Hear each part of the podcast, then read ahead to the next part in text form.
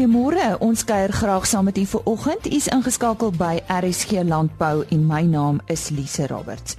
Ons gesels ver oggend oor kommunikasie in landbou, ook met 'n Amerikaanse afslaer wat vanjaar by Nampo was. Henny het by die Sernik veiling gaan inloer ons wolmarkverslag kom aan die beurt en dan is daar natuurlik 'n prestasie wat by die laaste Sybokar veiling behaal is en ons vind bietjie meer uit daaroor. En Dr. Johan van Rensburg sluit vandag se program af met die fokus op rumenontwikkeling by herkouer diere. Vandag se program is aangebied met die komplemente van Aerocom. Waar jy jou ook al bevind, ons sal jou verbind en dit is juis met wie Henny Maas vanoggend gesels. Ons gaan nou 'n bietjie oor telekommunikasie praat en ons praat met Sarel Roos van Aerocom en uh, ons praat ja oor uh, kommunikasie in die landbou op plase. Uh Sarel net so vinnig uh, waar staan ons hier in Suid-Afrika wat wat internet toegang betref? Suid-Afrika se metropolitaanse gebiede het 'n goeie internet toegang en met 'n verskeidenheid van om te kies. Uh wat die landelike gebiede betref, is vinnige betroubare internet toegang 'n groot probleem. Aangesien daar nie meer geld vir infrastruktuur bestuur word nie.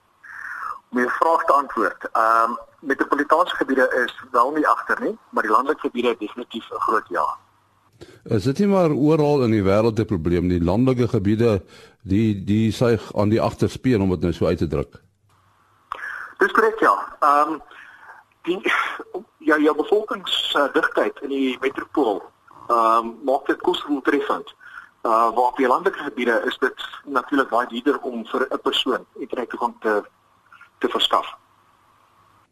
Ja goed, ons weet nou van breë band en selfs van uh van veselverbindings, maar uh ons het nog nie oor satellietverbinding gepraat nie. Hoe werk dit presies? Wel, dit is basies 'n klein satellietskotel. Ehm um, meerendeels soos jou jou jou televisie of jou jou satelliettelevisie uh wat skottel by die by die huis opgerig word en ons verskaf internet deur dit of deur die satellietskottel daar's regtig nie 'n groot verskil tussen die televisiesisteem en ons internetstelsel nie. En en die spoed op satelliet ehm um, is baie vinniger as wat jy jou DSL-stelsel sal kry. Ehm um, ons kyk na plus minus 'n of 'n maksimum spoed van plus minus 15 megagrepe wat aflaai kan word. So uh, hoeveel gelyk dit met vesel byvoorbeeld? Baie goed met vesel. Ehm um, vesel is natuurlik baie relatief baie vinniger omdat ons korter afstande het. Uh waar jy tot op 50 megagrepe kan gaan. Ehm uh, maar satelliet is tot op 15 is glad nie sleg nie en kan vir meestelike huishoudings doeltreffend gebruik word. En weersomstandighede beïnvloed dit uh jou kommunikasie? Uh, glad nie. Ehm um, weeromstandighede het glad het glad nie 'n invloed op ons stelsel nie. Maar hy sal wel 'n bietjie afskaal oor donderstorms. Ehm um, maar jy gaan jy gaan glad nie diens verloor nie. Ja, 'n groot voordeel is natuurlik 'n uh, uh, 'n mens kan nie 'n uh, satellietontvanger steel soos wat hulle kabel steel nie, né? Dis korrek. Ehm um, daar is geen invloed ehm um, wat op koperkabels nie. Ons is letterlik 36000 km in die lug bo die ewenaar en daar is daar is geen invloed tussen die satellietskottel en die satelliet nie. So daar is geen impak op diens nie. En hoeveel gelyk dit koste gewys? Ons is effens duurder as wat 'n uh, viesellyn in die stad sal wees weens die koste van die satelliet. Alles in aggenome is dit relatief baie bekostigbaar. So is daar ook 'n uh, beperking op hoeveel jy uh, kan gebruik? Ons het caps dienste, maar wat ons het is 100 gig ehm um, cap wat ons lewer aan die kliënte wat dan na die 100 gig afgeskaal word net om koste op die satelliet te beperk. Maar wat ons ook het is gedurende die aand tussen of saans tussen 12 en 5 in die oggend. Het enige pakket van ons het 'n 100 gig uh toegang wat ons video's in die goed vanaf kan aflaai wat ingesluit is in die pakketkoste. En natuurlik 'n mens kan enige plek in die land uh, kan 'n mens hierdie diens kry ons kan definitief binne die Suid-Afrikaanse landgrense kan ons diens verskaf. Nou ons praat met uh, Sarel Roos. Ons sê vir hom dankie. Hy is van Aerocom. Dankie Jenny en nou nuus vanaf Nampo. Jerick Miller, 'n jong afslaer uit Iowa in die VSA, het by Nampo met ons gesels oor sy deelname aan die heel eerste internasionale Toyota SA jong afslaers kompetisie wat tydens Nampo gehou is. The auction industry in the United States over the last 20 years has really really grown. The percentages of real estate that we're selling at auction now compared to 1995 has gone up a lot of percent. And for the amount of real estate that gets moved, that's an important statistic for our auction industry. So we sell a lot of real estate. We also sell a lot of livestock. We have a lot of small farmers that might own 25 or 50 or 75 cows, and there's not enough calves for the feedlot to come buy those. And so we have auction barns, and it gives everyone a good platform to market their calves to the feedlot. It gives the feedlot a good opportunity to buy those. We also have automobile auctions. We have fundraising auctions where we have black tie events and galas and that kind of stuff for fundraising. So there's opportunity for everyone. Hy verduidelik ook watter kompetisies in die FSA afslaers aan kan deelneem. So there's there's three world championships that happen in the United States of America: the World Automobile Auctioneer Championship, the International Auctioneer Championship, and the World Livestock Auctioneer Championship. I only have competed in one. That was the International Auctioneer Championship. I competed in 2014 and 2016. It's a great experience, makes you a better auctioneer. It's always good when you get on that platform and you you put your craft out in front of people to have it judged. It makes you better. Now we also have state competitions at our country, and I have been fortunate and blessed enough to win two of those. Um, the state of Missouri in 2013 and the state of Iowa in 2016. En wat is sy indrukke van Nampo? Well, I'll tell you this, Nampu does not take second to anything. Uh, there is an unbelievable amount of machinery and agricultural stuff that is here. Just anything to do with with agriculture is here at Nampu. What we do in the United States is we're more specialty. So we'll have a an agricultural show and we'll stay on the crop side of it. So there you'll see all the crops. You'll see all the, the corn, the soybeans, the wheat, that kind of stuff. And then we'll also have the Denver Stock Show. We'll have other stock shows where we stay just simply on the stock side. And we also have it for horses. We have horse shows. And so each show is fantastic in itself, but because it's a specialty show, it does stay a little bit smaller than Nampu. En wat van die mense in Suid-Afrika? Well, I like their accents. and I've really enjoyed my time in South Africa. Everyone is very friendly. I just and you know they're they're they're very friendly to each other too, and you know it, it makes me feel like it's a very friendly culture. I've enjoyed it. I've gotten to visit a lion farm. I've gotten to visit a a farm where they uh, grow corn, where they grow buffaloes and elands to sell where they grow cattle. I've gotten an opportunity to look at the cattle and to drive a lot on the roads, and so it's been a good experience for me and one that I'll I'll never forget.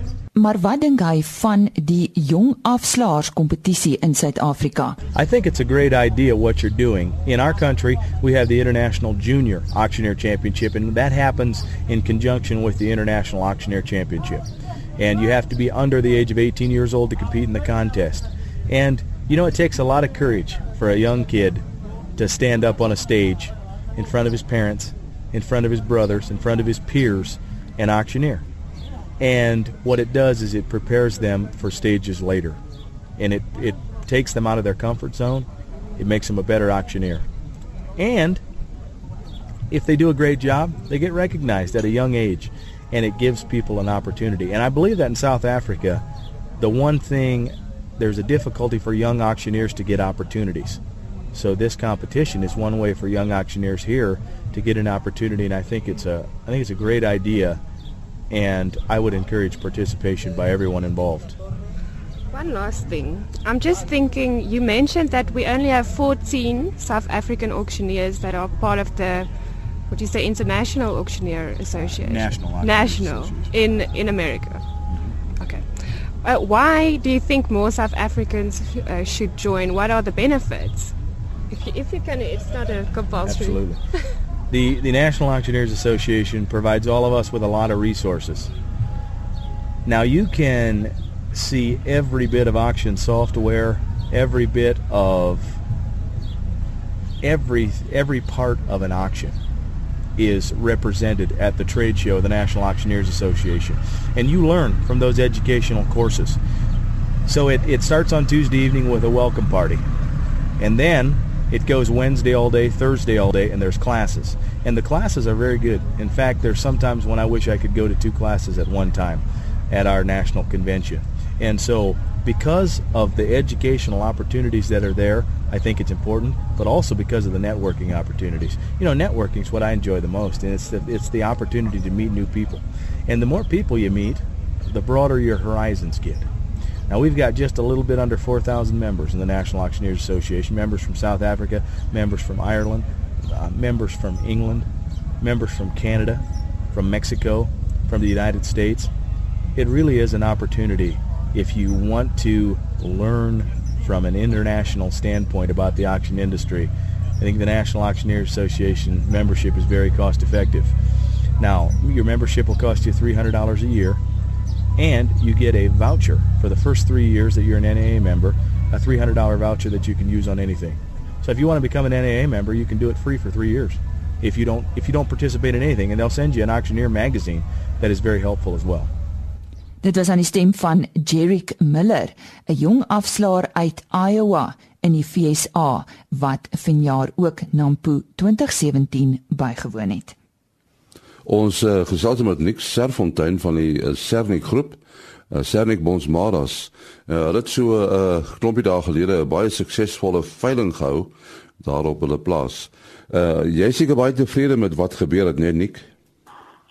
Ja, jy sê like nie uh al my verwagtinge is oortref. Dis baie mense en jy weet dit het 'n lekker gees geskep. Daar's baie stoetteelers nog uh wat baie verblydend was. Die veilingslokaal het het het, het sit plek vir so 230 mense. Maar hy was oorvol. Ehm uh, daar het 150 kopers geregistreer. Maar jy sien, jy weet man, die mense, die boere bring hulle seuns saam en hulle vrouens saam, so die plek was bietjie oorvol. En die die gemiddelde prys van die van die bulle was was 93000.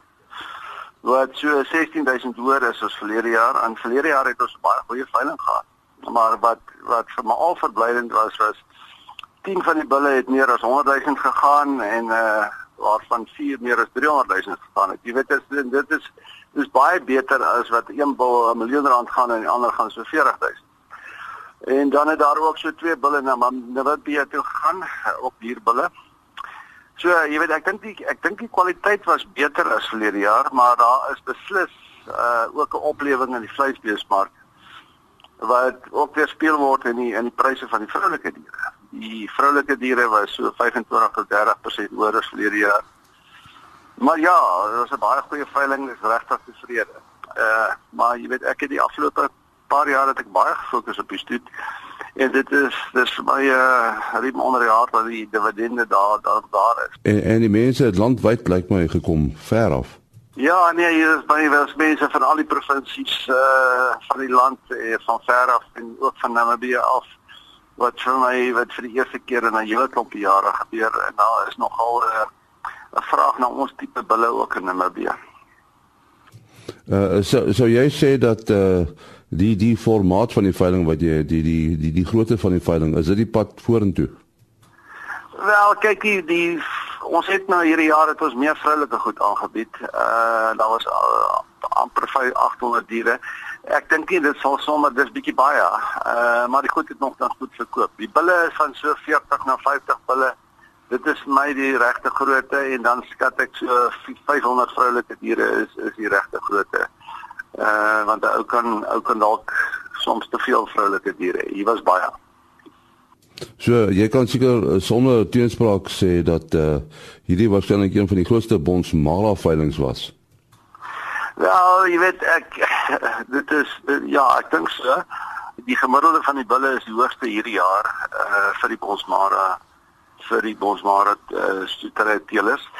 En uh nou ja, die jaar is nog nie verby nie. Uh daar's nog 'n hele paar groot kanonne wat wat veiling gaan hou, maar ek is ek is regtig baie tevrede. Baie dankie. Dit was uh, Nick Serfontein wat gesels het oor sy veiling wat plaasgevind het. Vir ons laaste wolmark verslag vir hierdie seisoen oor na Jolandi Rood.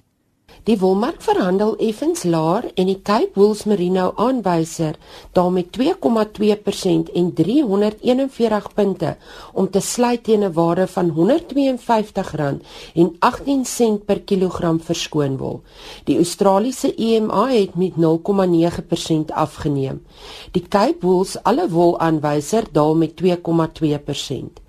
Die finale veiling van die 2016-2017 wolleweringsseisoen het min verrassings opgelewer met die sterk vraag na goeie gehalte lang wol in die mid-mikron groepe wat voortduur en die prys van beide die fyner sowel as sterker wol laat daal. Kort wol bly steeds onder druk en die medium lengtes was wisselvallig onder die mikron groepe. 71% van die aanbiedinge vandag is opgemaak uit kort en medium lengte wol. Die kompetisie tussen kopers was vandag hewig, veral so vanweë die toetrede van Tianjou Suid-Afrika tot die mark. Altesaam 98,2% van die 13092 bale wat op die veiling aangebied is, is verkoop.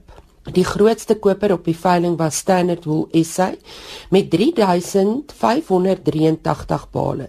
Rempreri SA met 3229 bale.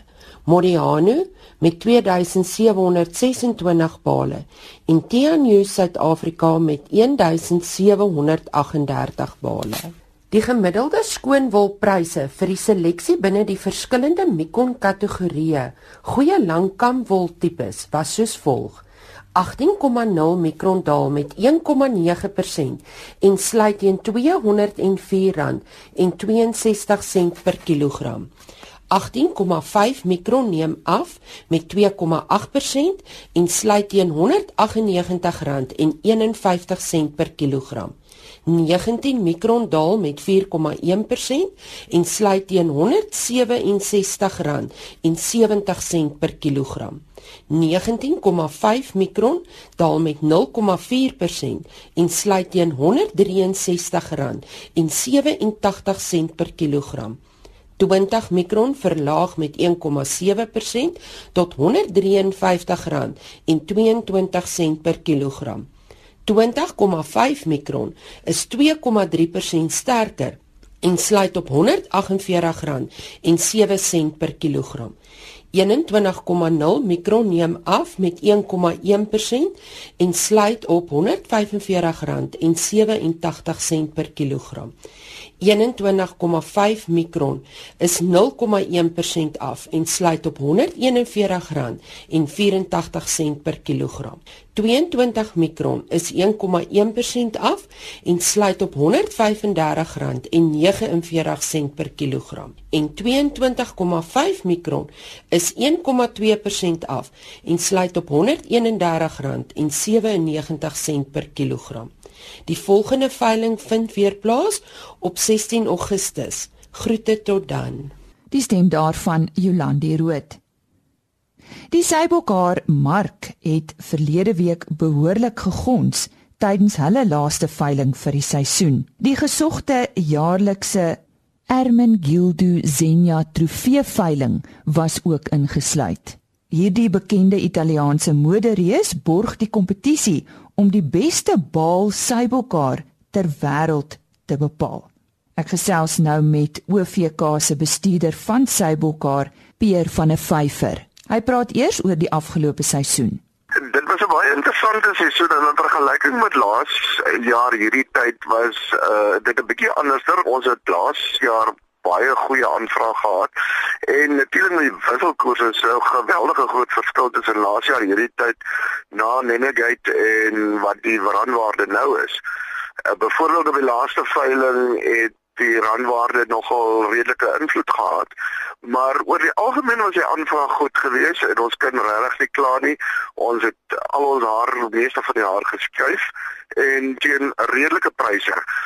Ek dink die groot invloed was maar die droogte toestand wat nog steeds heers en wat jou insetkoste geweldig laat opgaan wat mense bietjie onder druk sit. Nou, 'n peer my kollega Henny Maas het so tydjie gelede met uh, Jordi van Hassel te onderhoud gehad oor sy boerdery en uh, by die laaste veiling wat hulle gehad het, het uh, hierdie familie regtig 'n uh, 'n ongelooflike rekord behaal. Vertel ons daarvan. Yes, like weet dit is regtig iets besonders. Uh ek persoonlik beskou daai skeursel as die beste skeursel wat daar nog ooit gelewer is. Hulle het regtig die hele bedryf 'n stap vorentoe geneem en ek dink dit pluk die vrugte vrugte daarvan. Uh dit is hoekom hierdie baakie ook wat nou die kroon juweel is van sy skeursel. Uh ook soveel sukses bereik. Daai baakie is dit werklik werd en dit was iets besonders. Maar uh, die verkoper was sy ma, is ek reg? Ja, hulle boer saam. Uh dis van Hasselt Farming en uh kyk sy ma het vir 'n hele rukkie terwyl hy op universiteit was alleen geboor na sy pa oorskielik oorlede is. Uh maar uh, Jory is nou so 'n uh, bietjie meer as 'n jaar op die plaas wat hy voltyds saam met sy ma boer. En uh, hierdie eer wat hulle nou kom, uh, wat se tipe prestasie is? Is dit 'n beker? Wat wat kry hulle? Vertel ons die prys of die eer wat hulle kry daarvoor en en wie wie is agter dit? natuurlik bepaal op 'n uh, vrye mark. Ek meen waar die almal se hare op verkoop word. Uh alright, hulle het so 'n spesiale Zenia filing hierdie spesifieke balkie waar dit die kompetisiebaaltjies opgevou word, maar ek meen dit was nog steeds 'n uh, publieke veiling en dit is maar die markkragte wat op die ou en die prys bepaal. So dit is hoekom juist terwyl Bokker se prys as gevolg van wisselkoers en 'n paar ander omstandighede 'n bietjie onder druk was, uh was dit baie verbasend dat hierdie baaltjie se prys uh, by die rekord verbygegaan het. En uh dit wys net hoe besonder die kwaliteit was. En wat was die prys wat behaal is en hoeveel meer is dit as uh waaraan jy gewoond is? Die prys was R896 per kilogram. Uh ek het gehoop ons kry daai laaste R4 per kilogram ook by om om R900 te maak, maar dit is R37 per kilogram beter as die vorige rekord wat uh verlede jaar hierdie tyd opgestel was. Wat toe ook 'n bietjie verbasing was want uh klein mokkiare was toe baie meer onder druk as wat dit op die oomblik is. Wanneer open julle volgende seisoen weer, Peer? Ons begin in die tweede week van Augustus weer met ons eerste veiling vir die winterseisoen. Uh die winterseisoen het 'n bietjie gewoonlik tradisionele bietjie swakker kwaliteit hare en so aan want die bokke is mos nou ouer, jy klein mokkiaar word nou vir die tweede keer geskeer en hy het 'n bietjie ander kwaliteite dan as wat in die somer is. Uh die somer is bly maar die spoggedeelte van jou seesof die bestuurder van Sybelkar by OVK, Peer van 'n Vyfer. Ons uh, gaan nou gesels oor roemen ontwikkeling by herkouer diere.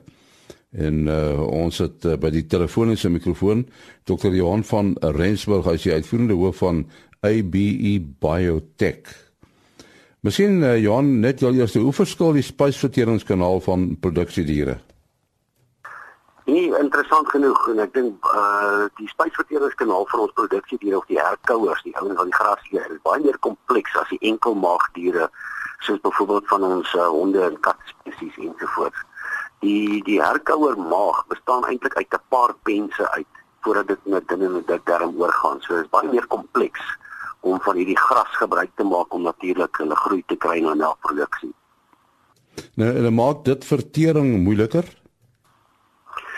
En ja, die die werklike meganisme hoe dit in daardie rumen of in daai pens inwerk is dat daai pens is vol bakterieë en hy moet natuurlik hierdie gras en en kuilvoer of mielies of wat ons ook al vir hierdie diere voer moet hy kan verteer. En hoe vinniger ons hierdie hierdie rumen kan ontwikkel by hierdie jong diere, hoe vinniger kan hulle gebruik maak van die meer eh, diverse voedingsbronne wat ons op plaas beskikbaar het. En en hoe kan 'n mens uh, roemen vinnig uh, laat ontwikkel by jong diere? En die basiese beginsel van roemenontwikkeling lê basies in twee uh, aspekte verbonde. Die een is die produksie van uh, vlugtige vetsuur of bottersuur of die vlugtige vetsuur wat natuurlik die roemen se ontwikkeling aanspoor. Uh, wat ons dus sien is hoe vinniger ons jong diere aan 'n uh, tipe van 'n graandieet kan blootstel, nou nie soveel sodat hulle natuurlik suurpens sal kry nie, maar 'n vorm van 'n graandieet lei daartoe dat vlugtige vetsure geproduseer word en hierdie vlugtige vetsure natuurlik is direk gekoppel aan die ontwikkeling van hierdie rumen papillae of die die die rumen vingertjies wat hierdie hele pense se metabolisme aandryf. Daar is natuurlik dan ook ander maniere waar ons sekere mikroorganismes of van hierdie vlugtige vetsure aan jong kalfies kan doseer. Gewoonlik by melkkalvers so op 14 dae dan kan ons uh Megasfera geproduseerde uh vlugtige vetsure aan hierdie kalvers uh, doseer wat natuurlik die die rumen-ontwikkeling baie aanhelp. Ja, mense sê seker nou vra uh, die die rumen-ontwikkeling is dit nie maar 'n natuurlike proses wat in elk geval nie meer gepeter moet word nie. Dit is nie, weet jy, die, die ons probeer deesdae ook die natuurlike proses uh so naby aan natuurlik as ek dit sou kan noem hou as moontlik.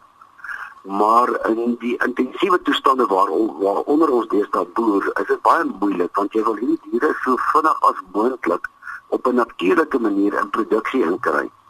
So wanneer hierdie diere dus blootgestel word aan 'n graandieet met 'n komponentvesel daarbey, dan ontwikkel hierdie ruminants baie vinniger. Ons kan hierdie diere baie vroeër speen en soos ons weet, jou jou veral jou jou jou kalfies is jou dieronkoste diere ook natuurlik op die plaas. En hoe vinniger ons hulle kan speen en op goeie rantsoene kry, hoe beter en en uh meer effektief is dit ook vir die vir die boer. En om uh, hierdie hierdie effektiwiteit, die doeltreffendheid aan te help, wat uh, kan 'n mens dan doen om uh, die rumen beter te laat ontwikkel as daar 'n uh, produk? En daar daar verskeie produkte wat ons wel kan gebruik. Die mees natuurlikste een is die een wat ek na vroeër verwys het, is waar ons hierdie vlugtige vetsure aan aan hierdie kalvers doseer. En dit is vlugtige vetsure wat natuurlik uit uit normale diere uitkom onder normale omstandighede. So daar's geen uh onnatuurlike of anorganiese bronne verbonde aan hierdie doserings nie. Dit is 'n 'n mengsel van natuurlike bakterieë en vlugtige vetsure wat natuurlik dan soos jy regtelik gesê het, die natuurlike ontwikkeling van die rume naboots, maar hy doen dit net op 'n baie meer uh intense skaal sodat ons hierdie diere se rumens voor kan regkry. En en uh hierdie hierdie rumen ontwikkeling, hierdie in aanhalingstekens die kunsmatige rumen ontwikkeling, moet dit dopgehou word deur kundiges of kan die boer dit self dophou?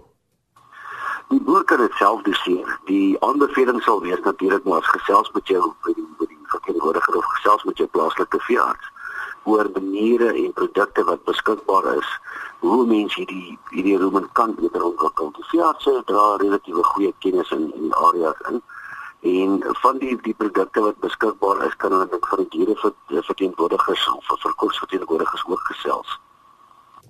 Ons sê baie dankie aan Dr. Johan van Rensburg. Uh, hy is die uitvoerende hoof van ABE Biotech. Dis ongelukkig al waarvoor ons vandag tyd het. RC Landbou is vandag aangebied met die komplemente van Aerocom. Waar jy jou ook al bevind, ons sal jou verbind. Onthou môreoggend om 05:30 is ons terug en ons gesels dan oor die avokado kwekersvereniging en ons gee terugvoer vanaf die Appington Jeugskou wat onlangs aangebied is. Dit is van die stories môreoggend weer hier net RC Landbou. Totsiens. RSG Landbou is 'n produksie van Blast Publishing. Produksieregisseur Henny Maas. Aanbieding Lisa Roberts en 'n notas koördineerder Jolande Rooi.